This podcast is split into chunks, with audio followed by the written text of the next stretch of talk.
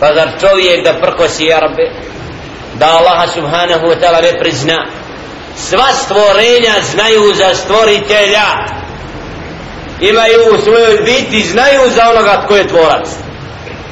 Čak i čovjek i džin koji ne vjeruje duboko u duši to ima ali to je prekrio svojim kufrom kad se nije pokorio Allahu subhanahu wa ta'ala.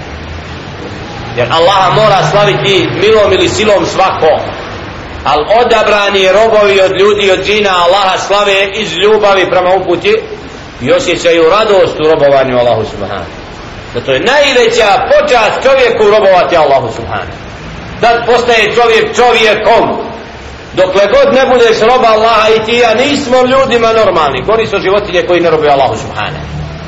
Rob vlasti kako je jedno i vidjeti na ulici ja rabbi poredali svoje idole i kipove glasajte za nas mi smo vam vođe.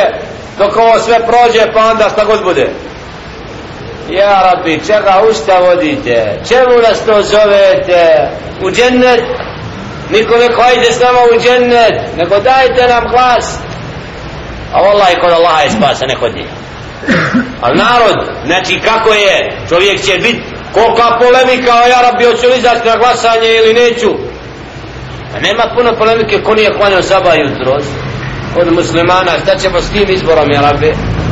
Da plaću što su u kufru proveli 50 godina od ubila komunizma da mole Allaha subhana da im oprosti što nisu robovali stvoritelju subhana što su se potpisivali da su nevjernicima od ubila. Zar to nije sad vakat nakon propasti te strategije zar nije momena da svate bosanci da trebaju biti pravi muslimani već?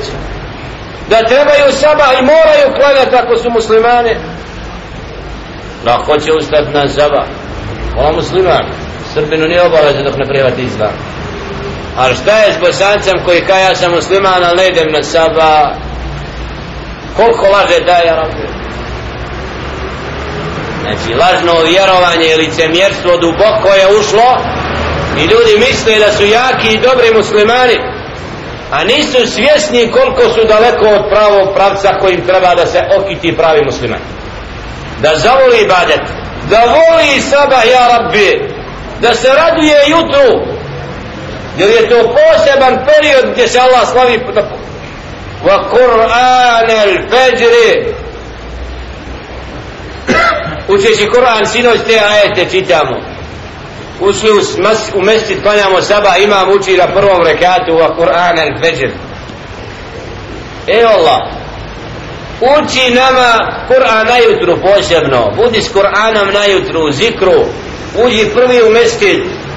Uči posle sabaha objavu dok sunce se ne pojavi. Klanjaj salatu duha. Onda si jutro normalno kao musliman započeo. A bježat od Kur'ana jutrom bježati u postelju a uzu bila nakon noći. Znači živjeti u gafetu i zarobljen od šeitana njegove vojske. Tako treba osloboditi robstva i okova ovaj i sindira kojima je šeitan ga uzeo sebi kad nije u stanju da bude na sabahu normalni.